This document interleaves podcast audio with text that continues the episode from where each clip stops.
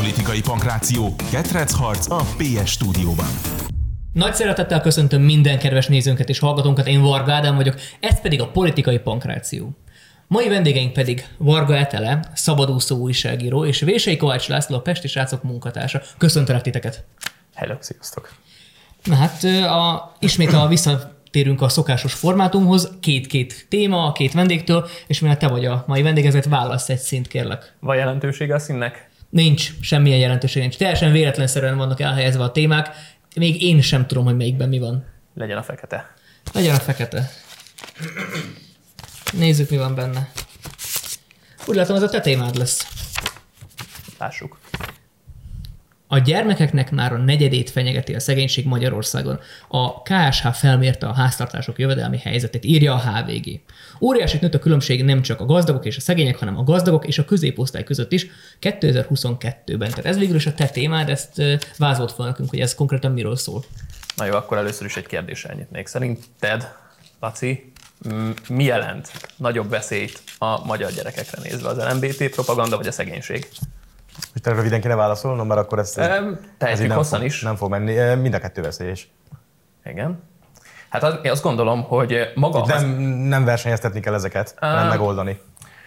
Abban egyetértünk, hogy mind a kettő hordoz magában társadalmi kockázatot, és ezt szerintem így ebben a formában el is fogadom. Érdekes a kérdés, amit feltettél. Csak ugye elgondolkodtam rajta, hogy igazából, hogy ez ilyen, ilyenkor, ha választani kellene mondjuk, és most nem szeretnék senkit sem stigmatizálni, de két halálos, vagy két közepesen súlyos kór között, akkor melyiket választaná az ember. De nem akartam közbeszólni, inkább folytasd. Lehetőleg ne válassza egyiket se, ez természetes. De amikor meglátjuk azt, hogy szegénység által fenyegetett, társadalmi kirekesztés által fenyegetett ö, 25%-a a magyar gyerekeknek, ami itt a friss KSH közlésből azért átjött, akkor azért igen erőteljesen szembesülhetünk azzal a tényel, hogy még van az egyik jelenség, ez az LMBTQ dolog, itt volt a múzeumos eset, Durodórával, Elsimon Lászlóval és a többi, ami hát láthatjuk, hogy azért elég erőteljesen egy felső középosztálybeli probléma. Ezt azért szerintem mindannyian aláírhatjuk. A magyar sajtónak a jelentős része foglalkozott ezzel heteken keresztül, ezeket az üzeneteket tukmálta az emberek fejében, még baloldalról is, a baloldali sajtó is, ahelyett, hogy mondjuk foglalkozott volna az underclass, tehát az alsóbb osztályok problémájával, már pedig hát az látszódik. Egyértelműen látszódik, hogy milyen szintű regionális egyenlőtlenségek vannak, hogy a Gini együttható, ami az egyenlőtlenségeket méri, elkezdett emelkedni, illetve teljes mértékben kirajzolódik az a kép, hogy nincs ma Magyarországon egyetlen egy olyan politikai erősem, és ezt most én nyilván nem is jobbról várom elsősorban, aki a szegény, alsóbb néprétegekkel foglalkozó kérdéseket napirenden tartaná.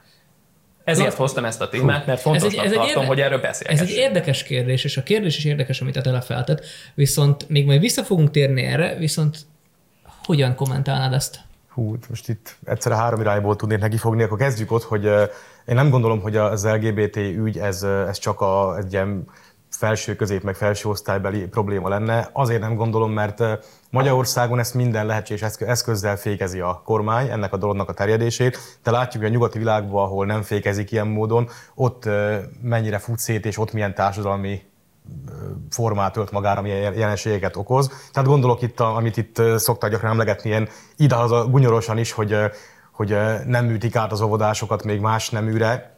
Nyugaton már azért ennyire messze ettől nincsenek, ott se ez történik még, de azért ott már nagyon komolyan nyomják a, a propagandát olyan kisgyerekek körébe is, és ez nem csak a felső osztálybeli kisgyerekekről van szó, minden osztálynak a gyerekeiről, nyomják a körükbe ezt az LGBT propagandát. Eleve ez egy, ez egyfajta szexuális propaganda, ami, amihez még semmilyen értelemben nincsen semmi közük, meg érintkezésük a, a, még a kisiskolás gyerekeknek se. Tehát a kis, kisiskolás gyerekeket semmilyen fajta szexuális agytágítóval nem kell nyomasztani, nem hogy LGBT agytágítóval. Ez az, egy, ez az egyik része, de ez a legkevésbé fontos része. Ennél a résznél hadd vágjak közbe, csak egy konkrétumot szeretnék beszélni, nem tudom, hogy megvan a nézőknek, vagy esetleg nektek. Németországban az óvodákban, egyes óvodákban volt olyan szoba, amit az óvodások számára nyitottak, maszturbációs célral, vagy olyan, ahol megismerték egymás testét, úgymond szexuálisan is. Tehát ez konkrétan egy cikkben le is írták, talán még a, még a Németországgal viszonylag baráti kapcsolatot ápoló sajtó is megírta ezeket, de ez csak egy közbeszúrás volt. És én is direkt a, leg, a legkevésbé fontos részével kezdtem először, hogy ezen essünk túl.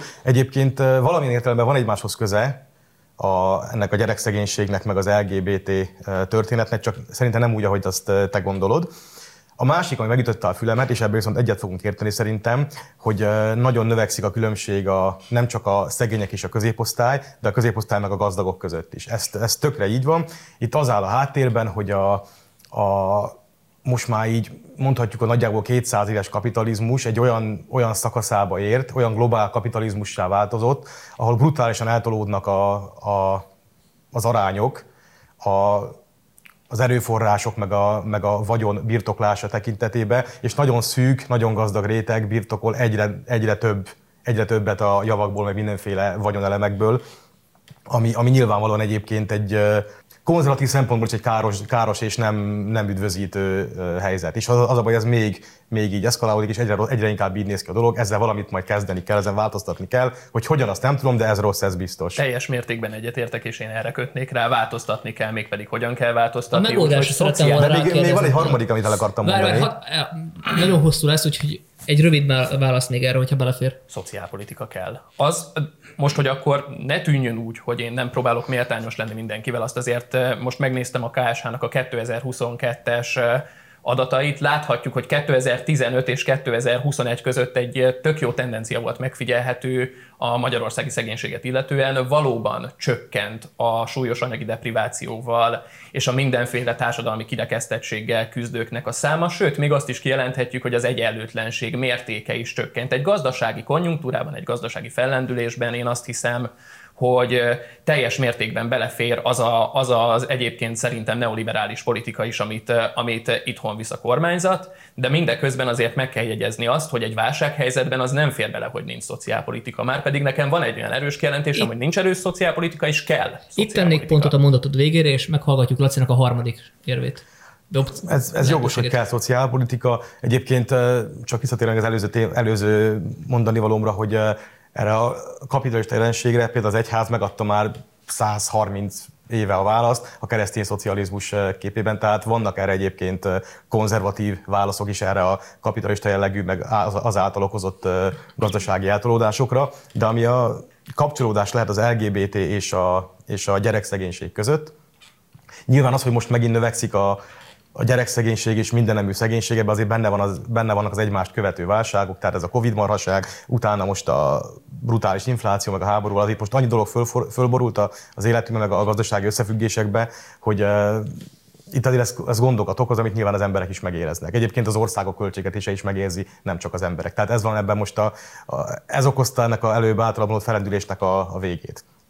De eleve egyébként az, hogy nagyon sok szegény gyerek van, ez nem csak Magyarországon jellemző, nem tudom, hogy tudsz róla. Tehát az egész nyugati világban is egyébként megfigyelhető, hogy a, hogy a gyerekek körében a szegénység az akár nagyobb mértékű, mint az, á, az egész társadalom körében tapasztalt szegénység, és ennek mi lehet az oka Hogy vajon? tud egy gyerek szegény lenni? Hát úgy, hogy nem fér hozzá alapvető szükségleteihez a kellő a szülei, mértékben. akik inkább szegények? Nyilván, nyilván a gyerek az őt nevelővel vagy nevelőkkel együtt szegény, ez, ez értelmszerűen így van, mert a gyereket általában optimális esetben valaki, valaki, valaki neveli, valakik igen. nevelik, igen. Valakik optimális esetben, és pont ez itt a kulcskérdés, hogy ez a, a társadalom szét van pottyanva, mentálisan is, közérzetileg is és szexuálisan is, tehát a, a brutálisan elszabadult uh, szexuális devianciák az ennek egyik ága, hogy az egész társadalom hullik szét, és az LGBT-nek, a, az LGBT mozgalom, meg különböző LGBT identitásoknak a térnyerése, az nem független attól, hogy eleve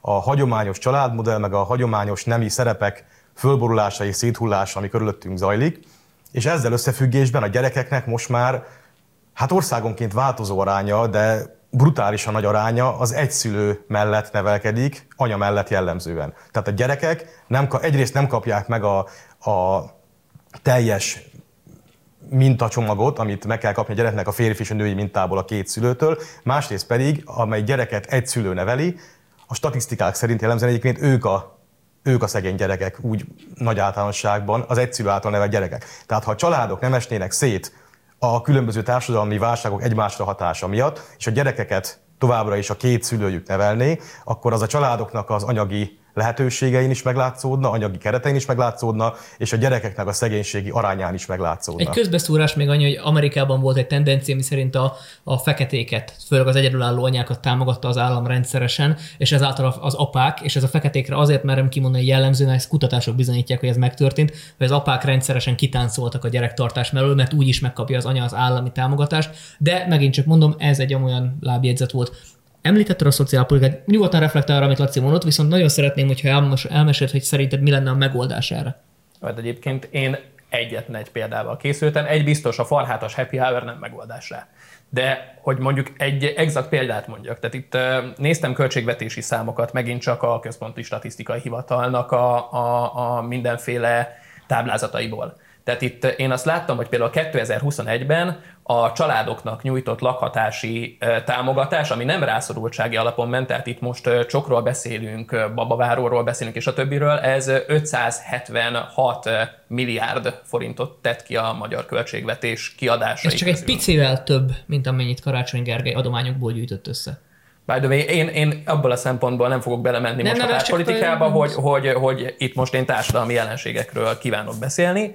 Amit én itt erről gondolok, az az, hogy ha átfordítanánk erről a nem rászorultsági alapú támogatási struktúrából rászorultsági alapúba, és én számoltam egy kicsit, mm, kiszámoltam, hogy ha 20 ezer lakás építését finanszírozná 25 millió forintos átlagáron lakás vagy ház építését a központi hatalom, a kormányzat. Legyen ez bármilyen módon, akár kiszervezve ezt a munkát önkormányzatoknak, akár kiszervezve ezt a munkát szociális szervezeteknek, ez megint csak lényegtelen.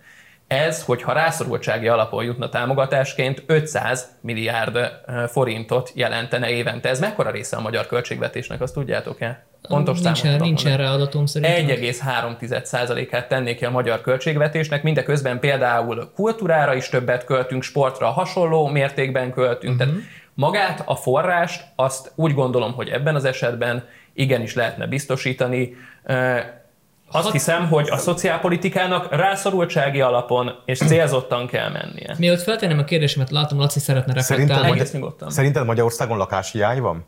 Én azt gondolom, mivel megnéztem megint csak számokat, Habitat for Humanity mm, magyarországi szervezete mm, jelezte, 16,7 százalék, tehát 1,6 millió ember élt túl zsúfolt lakásokban, 518 ezer ember, a lakosság 5,4 százaléka nem tudja rendesen fölfűteni a lakását télen, ezen de van neki, menően de van, van neki lakása. 86 ezer, 586 ember, 90 ezer ember, aki bent lakásos szálló intézményekben lakik, hajléktalan szállókon, ezen túl, még, ezen túl még vannak, akik az utcán élnek, ők 1530-an vannak. Azt gondolom, hogy ha maga a lakáshiány nincs is, ugyanis pontosan tudjuk, hogy Budapesten is állnak üresen ingatlanok. Ide pontosan tudjuk, piaci alapon, piaci alapon működő ingatlan viszonyok vannak, amiben az állam ilyen módon nem avatkozik bele. Én azt gondolom, hogy be kell avatkozni. Egyébként van, van köztünk egyetértés, mert előbb mondtam, ezek a, ez a brutális kapitalista eltolódás, ez ezzel függ össze, hogy a lakáspiacra is nagyon rá van telepedve ugyanez a,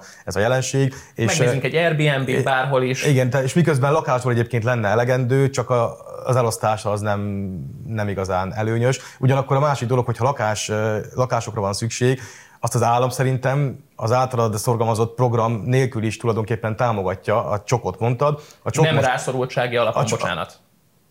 De hogy nem a családoknak van szükségük, minél nagyobb, minél nagyobb a család, annál nagyobb lakásra van de szükségük. ezek a támogatások mind a csok, mind a babavárok. Igen, de azt mondja, de, a nagyobb jövedelmi hányadokhoz kerül legnagyobb részben. De a csok ezt oldja. Budapesten a csok az igazából inkább csak rásegítés, de a, de a falusi csok, amit most még bővítenek, az, az valójában vidéken szinte önmagában elég gyakran elég egy lakás vagy egy ház előteremtéséhez. Jó, viszont engem az, engem az érdekelne inkább, engem az érdekelne, hogy ugye meg kellene szerintem vizsgálni ennek a szegénységnek a szociológiai okát is, mert az, hogy valaki szegény, ez egy ténykérdés. Most tételezzük fel, és nem szeretnék belemenni semmiféle elhamarkodott ilyen, ilyen feltételezésekbe, de mi okozza azt, hogy az adott személy, tehát mi okozza azt, hogy az adott személy az szegénység vagy mély szegénységbe került?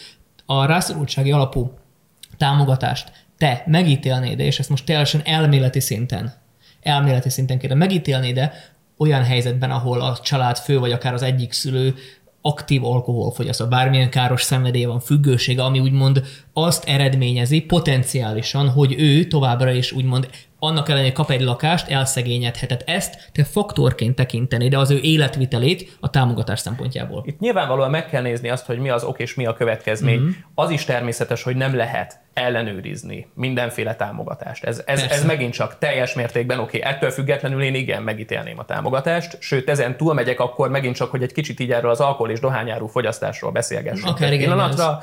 Én azt gondolom, hogy ha például olyan fajta gazdasági segítségnyújtást alkalmaztunk volna a, a, akár a Covid alatt, akár a, az árstoppok alatt, hogy célzottan bizonyos dolgokra elkölthető utalványokat, kuponokat kaptak volna a rászorulók, akik nem tudták volna mondjuk azt a pénzt olyan helyre költeni, mint alkohol vagy dohányzás, akkor már is egy kicsit erő, előrébb jártunk volna, mint az ástoppokkal, és így nem lett volna mondjuk feltétlenül ástoppos azoknak az embereknek is a termék, akik egyébként nem szorulnak rá. Ha utalványokat kaptak volna, akkor elég gyorsan kialakult volna az utalványokat. Eladják pénzért, rátelepül egy, rátelepülnek ilyen helyi kis sejtek, adják, veszik, és akinek a étel helyett szesz meg cigi kell, az így, is meg, az így is megoldotta volna barterezést. Ezt én tapasztaltam, ahol én éltem, ott rendszeresen csinálták ezt, hogy úgy a, a segély amik a segélyt, amit adtak, elvették a rászorulók bankkártyáját, és úgymond felhasználták azt, hogy,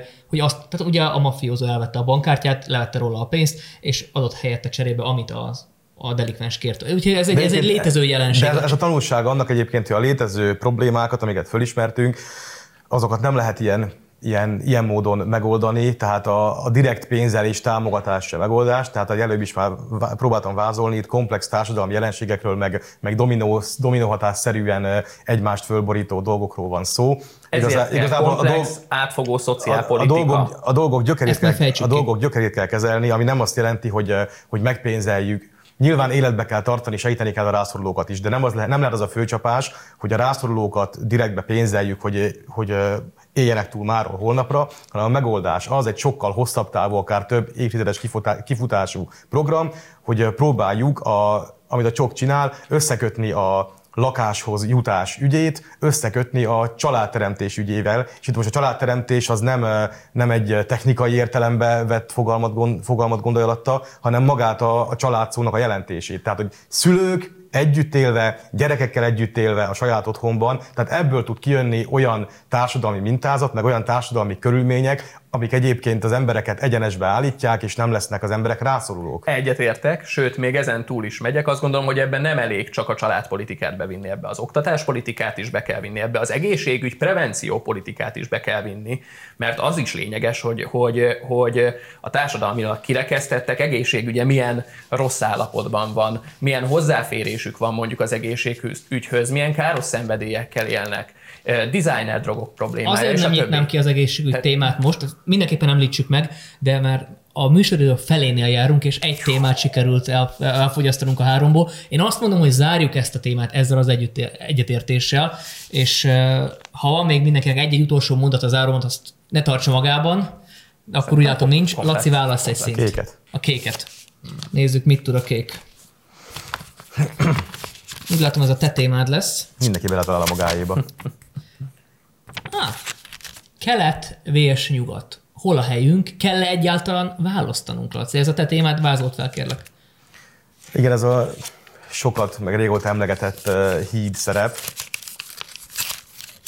Örök vita Magyarországon, most akkor Magyarországon, hogy hova kell melyik blokkhoz csatlakoznunk, és most ugye ez a ukrajnai háború kapcsán ez megint kiújult, hogy, hogy valahova le kell tenni magunkat és teljesen besorolódni oda. Miközben egyébként a történelmünk azt arról tanúskodik, hogy ahányszor teljes mértékben elszegődtünk valamelyik táborba, arra mindig rápacsáltunk. Tehát ez nem ez a, nem ez a megoldás, és egy nagyon nehéz ügy és, és, és kényes ügy az a, az a hintapolitika, amire Magyarország igazából a Mohács óta mindig rá van kényszerítve, amióta Magyarország nem egy erős hatalom, hanem más hatalmak játékszere, azóta mindig rá vagyunk erre kényszerítve, és vannak erre jó példáink, erre a hintapolitikára, a történelemből is, meg a mondjuk a 20. századi történelemből is, meg régebről is. 20. században, bocsáss meg, majd kellek erre válaszolni. Amikor, amikor, amikor, jó példát, amikor jól csináltuk a hintapolitikát, de utána jellemzően egyébként általában önhibánkból bejöttek olyan változások, hogy aztán elrontottuk a dolgot, és abból jött, és akkor utána elszegődtünk valamelyik hatalom mellé teljesen, és mindig abból jött a, a nagy csapás meg pusztulás az országra. Tehát az elszegődés az nekünk mindig rosszat okozott. Uh-huh. Oké, okay. akkor nézzünk egy jó példát először arra, hogy mikor járt Magyarország jól a hintapolitikával a 20. században.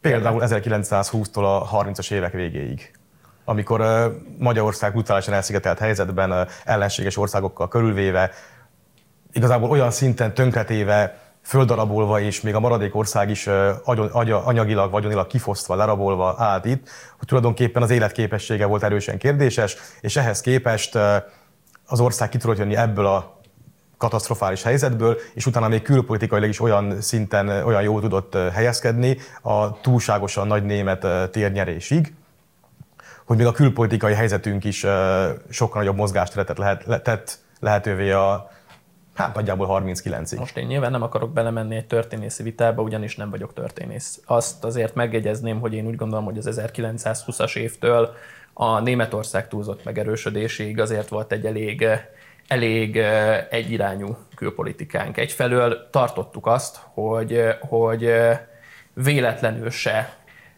keveredjünk komolyabb konfliktusba. A Kisantantal se, meg a nyugati országokkal sem beléptünk mi a Népszövetségbe. Mi voltunk. É, integrálódtunk az európai fősodorba. Ez azért mind a Betlen Istvánnak a dicsérete, az a részemről is abszolút ilyen szempontból indokolt. Na várj, mi az, hogy európai fősodor? Akkoriban. Akkoriban, Akkoriban mikor, nem került, volt ilyen. mikor került hatalomra Adolf Hitler? 1933. 33 de nem volt európai fősodor. Előtte Weimari Németország volt, akit, akit éppen megsarcoltak valamelyest, de azért nem voltak még komoly, komoly társadalmi, illetve országok közötti összetűzések egészen addig, amíg az Adolf Hitler nem jutott hatalomra, de mondom, nem menjünk szerintem el ebbe az irányba, jobb lenne, hogyha maradnánk az eredeti kérdés, a már, szerint kelet a márról van szó, csak a tanulságokat kell elővennünk, mert azok fontos dolgok. Tehát akkoriban, ne, nem volt az hintapolitika. Ak- akkoriban nem volt egységes európai fősodor, hanem több ország jelentkezett be arra, hogy hatalmi központ legyen, és Magyarország ezek között próbált egyébként ingadozni, eleinte még a, az olaszoknak a németek között is, mert az olaszok tűntek kevésbé veszélyesnek. Az viszont, eleinte. abban viszont egyetértek, hogy... Tehát megvannak a hatalmi központok, és azok között fontos megvizsgálni, politika. fontos megvizsgálni, mi volt a múltban, mert nyilván ebből tudunk tanulni, meg tudunk építkezni, de most csak mondok valamit, az 1975-ös Oroszország az nem azonos az a 2023-as Oroszországgal. Ami még akkor Szovjetunió volt. Így helyes, ahogyan a mai Amerika sem azonos az 50-es évek Amerikájával. Tehát az különbséget kell tennünk. Most van Ez oké, okay, mindent a most saját idejében, a, a saját kontextusában kell megítélni. Most hol a helyünk? Most van-e helyünk? Um, kell-e ide, kell-e oda húznunk hintapolitika, vagy pedig inkább azt Magyarországnak Magyarországot kell képviselni? Szerintem, szerintem ez egy rossz dilemma, hogy kell uh-huh. bárhova De mi, mi akkor a jó dilemma? Tartozni. Szerintem az egy alapfelvetés, hogy Magyarország az a nyugat része. Tehát ez így, ez így én azt Meddig? gondolom, hogy axióma. Ez egy axióma. A Meddig és mióta? Mióta? Az állam alapítás óta uh-huh. az államalapítás óta. De akkor már volt a értelmevet nyugat? Már létezett az államalapításkor? a maga akkori formájában. Mi felvettük a római katolikus vallást, Rómától kértük a koronát, nem pedig Bizánctól a latinírást választottuk, nem pedig a Ciria betűket. Tehát Ilyen értelemben természetes módon létezett akkor is egyfajta nyugat és egyfajta kelet. Á, Nyilvánvalóan ez most is létezik. Én azt mondom, hogy, hogy nem kell választanunk, ugyanis mind gazdasági, mind társadalmi tények bizonyítják azt, hogy alapvetően Magyarország a nyugat része. Emellett, emellett lehet gazdasági kapcsolatokat építeni kelettel, sőt nekem a Kipcsak Disneyvel sincsen semmi bajom, magam részéről még adott esetben okos húzásnak is tartom, meg mellette egy kicsit azért szórakoztatónak is de ettől függetlenül Magyarország a nyugat része. Itt Hajlok a felé az érvelés a... felé, hogy Magyarország a nyugat része, és nyilván itt most nem az én véleményem a mérvadó, viszont a kérdésem hozzád inkább az, mert ugye az, hogy a nyugat része és a nyugat felé úgymond valamilyen szinten el vagyunk kötelezve, a nyugat mellett tettük le a voksunkat. Ez és elméleti szinten kérdem, tehát hogy feltételezve, hogy ha a nyugat úgy dönt, hogy irányt vált, akár morálisan, akár filozófiailag, akár gazdaságilag, nekünk, mint egy farok, amit éppen a kutya csóval követnünk kell a nyugatot, vagy, vagy úgymond akkor dönthetünk irányváltás mellett, hogy ha a nyugati érdek, az aktuális nyugati érdek nem szolgálja a magyar érdeket, vagy ez a kettő kéz a kézben jár. Tehát ezt hogyan Hogyan Antoni, látod? Ez, ez, ez azért ennél egy kicsit nyilván bonyolultabb. Így ebben a formában nagyon leegyszerűsítő a dilemma. Egyfelől, egyfelől az, hogy, hogy mennyire kell a nyugattal tartanunk. Kulturális értelemben én azt gondolom, hogy természetesen nem kell mindenben idomulnunk. Mi része vagyunk egy politikai, gazdasági szövetségnek, ami nem egy ideológiai szövetség feltétlenül, tehát én azt gondolom, ha valakivel mondjuk jobban együtt kell tartani, az inkább ez a, ez a kelet-közép-európai idézőjeles blokk. Tehát Szlovákia, Csehország, Lengyelország, azt gondolom Románia, természetes, fontos stratégiai szövetségeseink a mai világban. Én azt gondolom, hogy velük adott esetben minden érdekünk egybevág, és akkor itt most nem menjünk bele az értékbe, meg a moralizálásba, tök fölösleges, beszéltünk róla egyszer amúgy is. Azt gondolom, hogy itt most tényleg, hogyha csak az érdek alapon közelítjük meg, akkor Kelet-Közép-Európa mellett én ilyen szempontból abszolút leteszem a voksomat, és velük igen együtt kell tartanunk, de ott nem mint farok, hanem mint egyértelmű, egyenrangú teljesen egyenrangú partner, addig nyugattal szemben, hogyha kulturális kérdésekben, ideológiai kérdésekben vannak vitáink, srácok, basztos, hát a, a, a szuverén népek Európája koncepció Laci? alapján Ja, bocsánat. lehet előre menni. Hát itt az a Laci? gond, pont, hogy a nyugat összekeveri egyébként, a, vagy össz, össze egymásba mossa az ideológiai, meg világnézeti ellentéteket a különböző gazdasági és pénzügyi kérdésekkel, amiknek amúgy semmi közük egymáshoz, de ezt hiába magyarázza Magyarország évek óta ezenek semmi közük egymáshoz, a, az Európai Unió ezeket mégis összekeveri, ezeket a nem összetartozó dolgokat. Na most annyi még a, az előző megjegyzés, hogy a, az államalapításkor Európa az úgymond, akkor nevezzük így nyugatnak, az Portugáliától egészen Lengyelországig, meg Magyarországig tartott, és az egy, az, az egy, az egy hitbéli közösség volt mindenek előtt, egy hitbéli vallási egybetartó közösség. Ezzel szemben a mai világban látott nagy hatalmi központok és blokkok, azok sokkal inkább ilyen hűbéri zónákat vonnak oda maguk köré. Tehát a nyugati blokk, és ebbe beleértendő az nagyjából az egész Európai Unió, sőt az, az Európai Unió, mint intézmény beleértendő, az egy, az egy amerikai hűbéres csoport tulajdonképpen. És ahogy az Egyesült Államok, mint birodalmi központ diktál, meg hogy az ő érdekei elvárják, az Európai Unió meg annak tagjai úgy mozognak. Pont ez igaz egyébként a, mondjuk a Kína hűbéres befolyási vezetébe tartozó afrikai országokra, vagy az Oroszország hűbéres befolyási vezetébe tartozó közép-ázsiai országokra. Tehát ne legyünk naívak, itt hűbéres zónák vannak a nagyhatalmi birodalmi központok körül.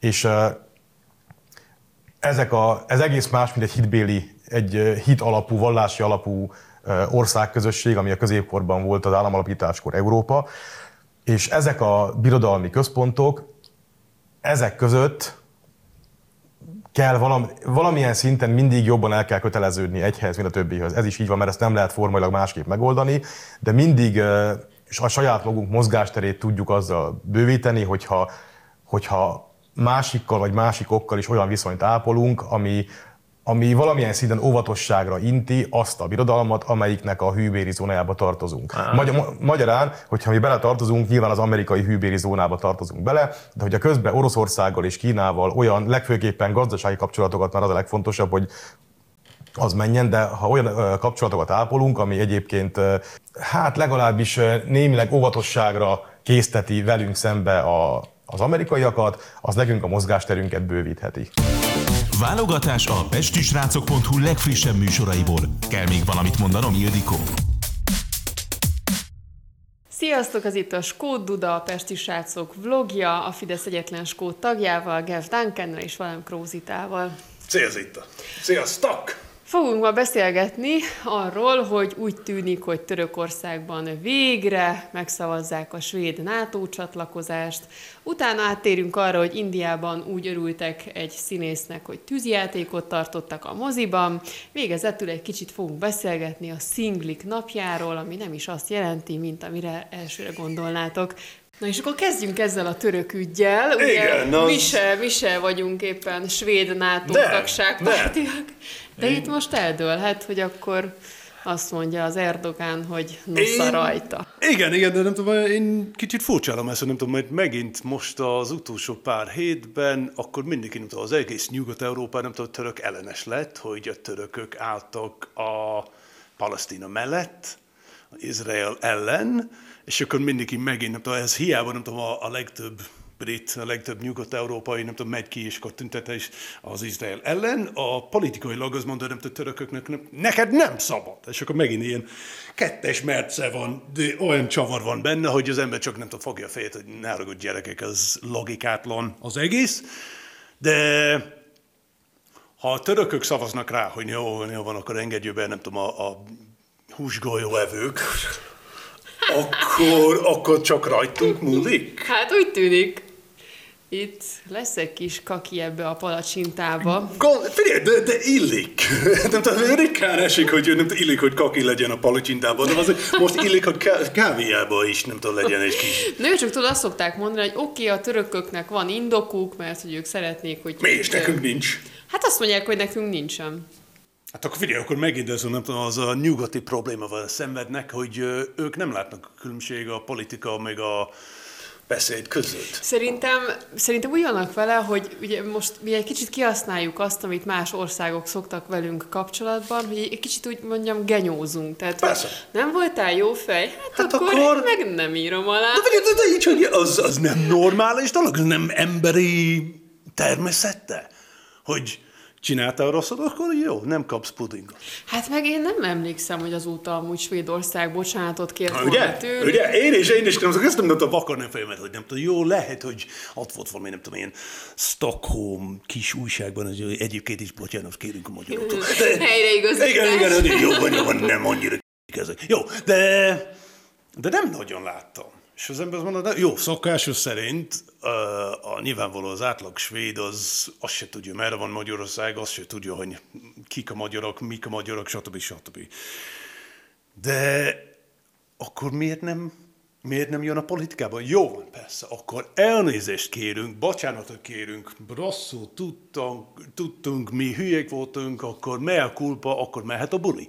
Annyira nagy kérdés ez? Hát pedig ment még delegációnk is oda, akik Persze. fogadták volna a bocsánatkérést, aztán mégsem. Hát figyelj, nem annyira büszke, büszke nép az a svéd. Hát Hát lehetséges. az olyan, hogy lehet annyira büszke nép, amikor nem tudom, beengedtek mindenki, aki jött Afganisztánból, Koszovóból, jaj, foglalkozása, jaj, terrorista, jaj, köszönöm szépen, tessék De befáradni. most miért annyira fontos mindenkinek szerinted ez a NATO? Most ennyire áll itt a kés a levegőben? Most pont tegnap egyébként, vagy most ugye most szerdán vesszük fel, és tegnap jöttek, vagy tegnap előtt azok a hírek, hogy ugye nálunk is most már Orbán Viktor, ott van a honvédségnek, most már nagyobb hatalma lesz a honvédelmi miniszternek, de nekem egy kicsit olyan érzésem van, hogy tudnak ők valamit, lesz itt valami. Ugye a svédek meg finnek ugye nagyon a NATO-hoz szeretnénk csatlakozni most mindenféleképpen, hogy van most egy ilyen háborús helyzet, hogy indokolt az, hogy hát valahova kéne húzni, és most ne genyózzatok velünk magyarok, mert akkor itt Mert mi is, mi is csapattak. Nagy, nagy bajban leszünk. nem tudom, mert most, ha, ha figyelem a, a, a nyugati sajtóban, Amerikától, Nagy-Britannia így, oda, jobbra, balra, mindig a- arra ír, hogy már a hidegháború után nem volt ilyen vészes, vészes veszélyes, nem a helyzet. És akkor mindig így, látja. Az ember azt mondja, jó, értem.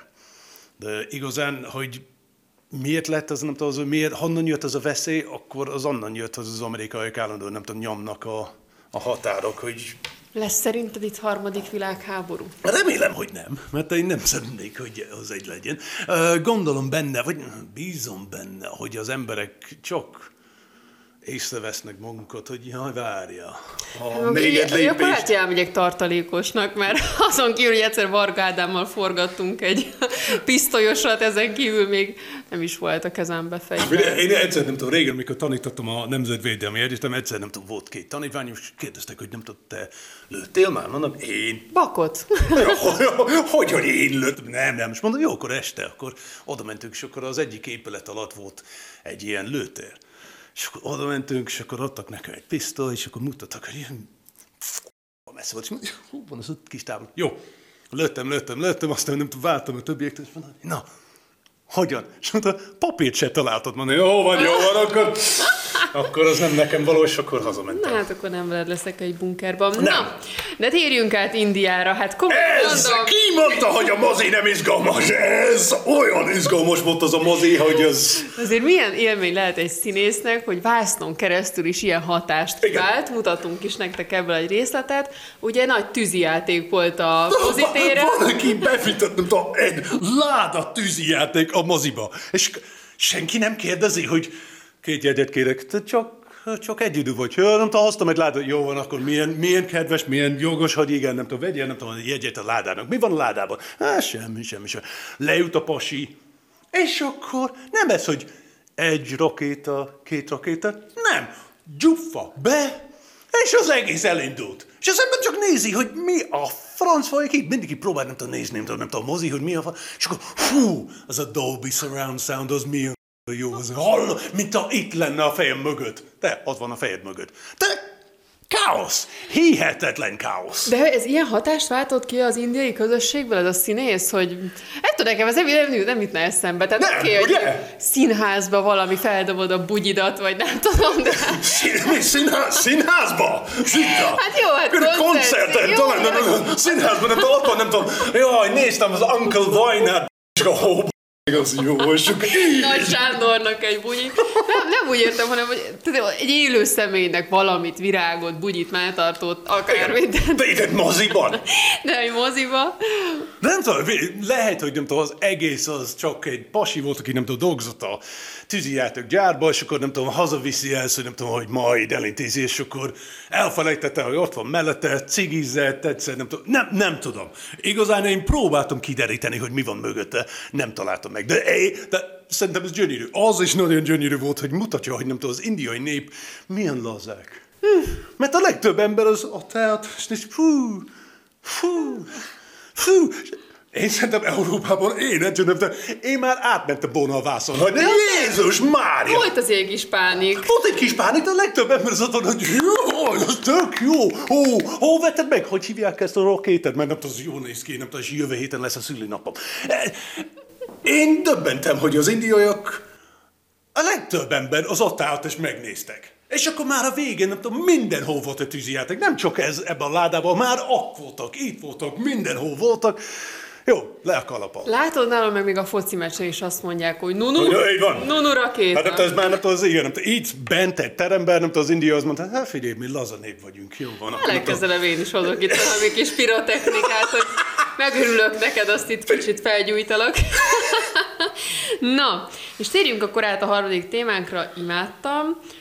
A szinglik napja. Ez- Tehát, hogy ugye volt már a Black Friday, Igen. Am- am- amikor néztem azt, hogy szinglik napja, akkor tényleg azt hittem, hogy ez arról szól, hogy éljenek az egyedülállók. De ugye ez arról szól, Kínából indul, hogy egyetemisták, akik Igen. ott ültek egyedül, neked sincsen, nekem sincsen. Akkor kitalálták, hogy na hát a november 11, ugye mind a kettő egy egy-egy, tehát hogy akkor ez legyen egy ilyen, egy ilyen páratlan szám, ami nekünk jó lesz, mert mi is páratlanok vagyunk. És akkor megajándékozták saját magukat, ugye nyilván egyre több nő lett, ők megajándékozták saját magukat, és akkor mondták a, a, a, a piac, hogy na jó, hát mi erre rá. De mi értelme van? De várjál, de az a legszebb benne, hogy átfordult a dolog, és a házasságkötés egyik legkiemelkedőbb napja lett az Igen. évek során. Na de ugye hatalmas, van egy Alibaba nevezetű online platform, és akkora forgalmat csinál, nagyobbat, mint a Valentin nap, a Black Friday, A, a, a Valentin nap, a Bálint nap, ami nem tudom, nem tudom, az amerikai kitalálták, hogy nem tudom, na akkor adjunk el, adjunk el, adjunk el, adjunk el. Az egész, nem tudom, ez a hülyeség, amit nem értem, hogy a, a kapitalista trükk. Black Friday, az mondta, ó, tegnap ennyi volt, most már annyi. Tényleg? Nem, de csak nem tudod így, hogy nem tudom, szólok neked, hogy jön megvegy, megvegyél, nem tudom, ma. A kínaiak, a kommunista nép, ők kitaláltak, nem tudom, a legjobb kapitalista ötlet. Ez nem az, hogy akkor le a kalapal a kínaiak, nem tudom, tényleg nem tudom, ez nem lehet érteni őket. Hogy ott vannak, nem tudom, Mao Tse, Ping Ching, van, mit tudom én, ez a Tiananmen tér, minden, és akkor oda, és most gyerekek, eladjuk mindent! Nem csak gyártanak mindent, de most már eladnak mindent. Ez, De az ember amúgy is megajándékozza néha magát. Lehet, hogy csak én vagyok így vele, de megyek egy plázába, meglátok egy jó kabátot, hogy valamit, és úgy vagyok fel, hogy Zita, ezt megérdemled. Ez nem kell külön nap na ugye, ugye? Ezt tudom, még, ó, figyelj, nem veszek semmit, ez ne héten, majd a jövő héten. be- Akkor van az inglik napja. De ezt nem tudom, nem tudom, ez, ez számomra ez egy kicsit furcsa, hogy... Uh, De kell, kellenek ilyen napok szerinted ahhoz, hogy, hogy az ember egy kicsit túlköltekezzen? Ki kell ilyeneket találni, hogy tessék Black Friday-ért kiírom a 200-ra, hogy 300 volt, van. már csak 150, de amúgy sose volt sokkal persze. több. Én nem tudom, én, én Ezt kiveszi be? egy, szerintem egy csomó ember. Én, én, hogy én látom, mindig nem tudom azt mondani, jó, felteszünk ez a kérdés, hogy kell-e. Szerintem nem, mert a legtöbb ember az... Amikor elromlik a tévé, akkor arra gondolok, hogy lehet, hogy kell, kell venni egy tévét. De nem az, nem jó, Black Friday, és akkor oh, veszek egyet, mint nagyobb, mint a lakásom. Nem tudom, nincs értelme. Az ugyanaz, hogy az ember mondta, figyelj, nem tudom, nem azt mondod, nem tudom, élünk az életek, hogy nem tudom, csak, csak a szükséges dolog veszünk meg, hogy nem tudom, na, van egy pár cipőm, mikor ez tönkre megy, akkor veszek még egy pár cipőm. Nem. De így kicsit túlzásba visznek az emberek, hogy ha valaki azt mondja, ú, akció, haha, vetem négyet. Kell négy? Nem, egy se kell igazán, de vetem négyet. Én szoktam azon gondolkozni, hogyha kiütne otthon nálam a tűz, vagy valami háború, atom, nem tudom, és azonnal pakolni kéne, hogy mit vinnék magammal, minek lenne értelme, és mindig rájövök arra, hogy az ékszereken kívül a világon semmi, mert hát a forint az nem hiszem, hogy túl sokat fog érni máshol, ez nekünk ilyen kis szuvenírként ugye itt megmaradhat, de hogy igazából Hát igen, mondjuk vagy, vagy, vagy KP, hogyha esetleg ezt be lehet váltani, de igazából az ékszer az egyetlen, amit vihetsz, most egy festmény nem fogok a hátamra venni. Hoztam a bronzot. van áram? Nincs. Ja, jó, van akkor a tévé, és akkor mehet a Ugyan, úristen, francba. melyik cipőt vigyem? Állítom, hogy hogy találnék megint valami ilyen magas sarkot, és abba tipegnék ott a fronton. Nem tudom, az, az, az egész az, az furcsa. Én, amik, én soha nem hallottam ezt, amikor te átküldtél ezen, akkor néztem, hogy Jézus Mária, nem tudom, most már mi van, és akkor... Te mit vinnél magaddal egy ilyen helyzetben? Hát a feleségedet. De De a de akkor nem tudom, már ketten vagyunk, és akkor így, hogy na, akkor évi, nem tudom, te fog meg ez, én fog. Nem tudom. Ö, hát figyelj, igazán nem tudom, nem tudom, fejhallgató kell. és akkor, akkor kell valami zenegép, akkor nem tudom, nem tudom, rá kell pakolni a telefonra egy csomó zene, ha fér rá. Igen. Ha nem, akkor számítógép, de, de, de a számítógép rajta van az összes zene, de... És Zévi már ott rángat, Igen, igen, akkor... nem kell az a Red Hot Chili. Igen, és akkor ez nem tudom, de akkor nem tudom, az áram nélkül nem megy, és akkor a világháború lenne, akkor valószínű, nem lenne áram, akkor... Szerintem túl sok tárgyunk van egyébként ahhoz képest, hogy... Ja, jó, persze, Hát, de, de, de, de én imádom, imádom a tárgyakat, nem tudom, mindig nem tudom, kell ez, kell ez, kell ez, nem. De nem tudom, kell. Na hát akkor innen is üzenjük a, a piacnak, hogy nem kell indokot találni számunkra, hogy vásároljuk. Felesleges, de így is, úgy is keresünk, keresünk, keresünk. Így is úgy is keresünk, de ti ne keressetek, tehát jó helyen vagytok, ti csak minket keressetek. Így van.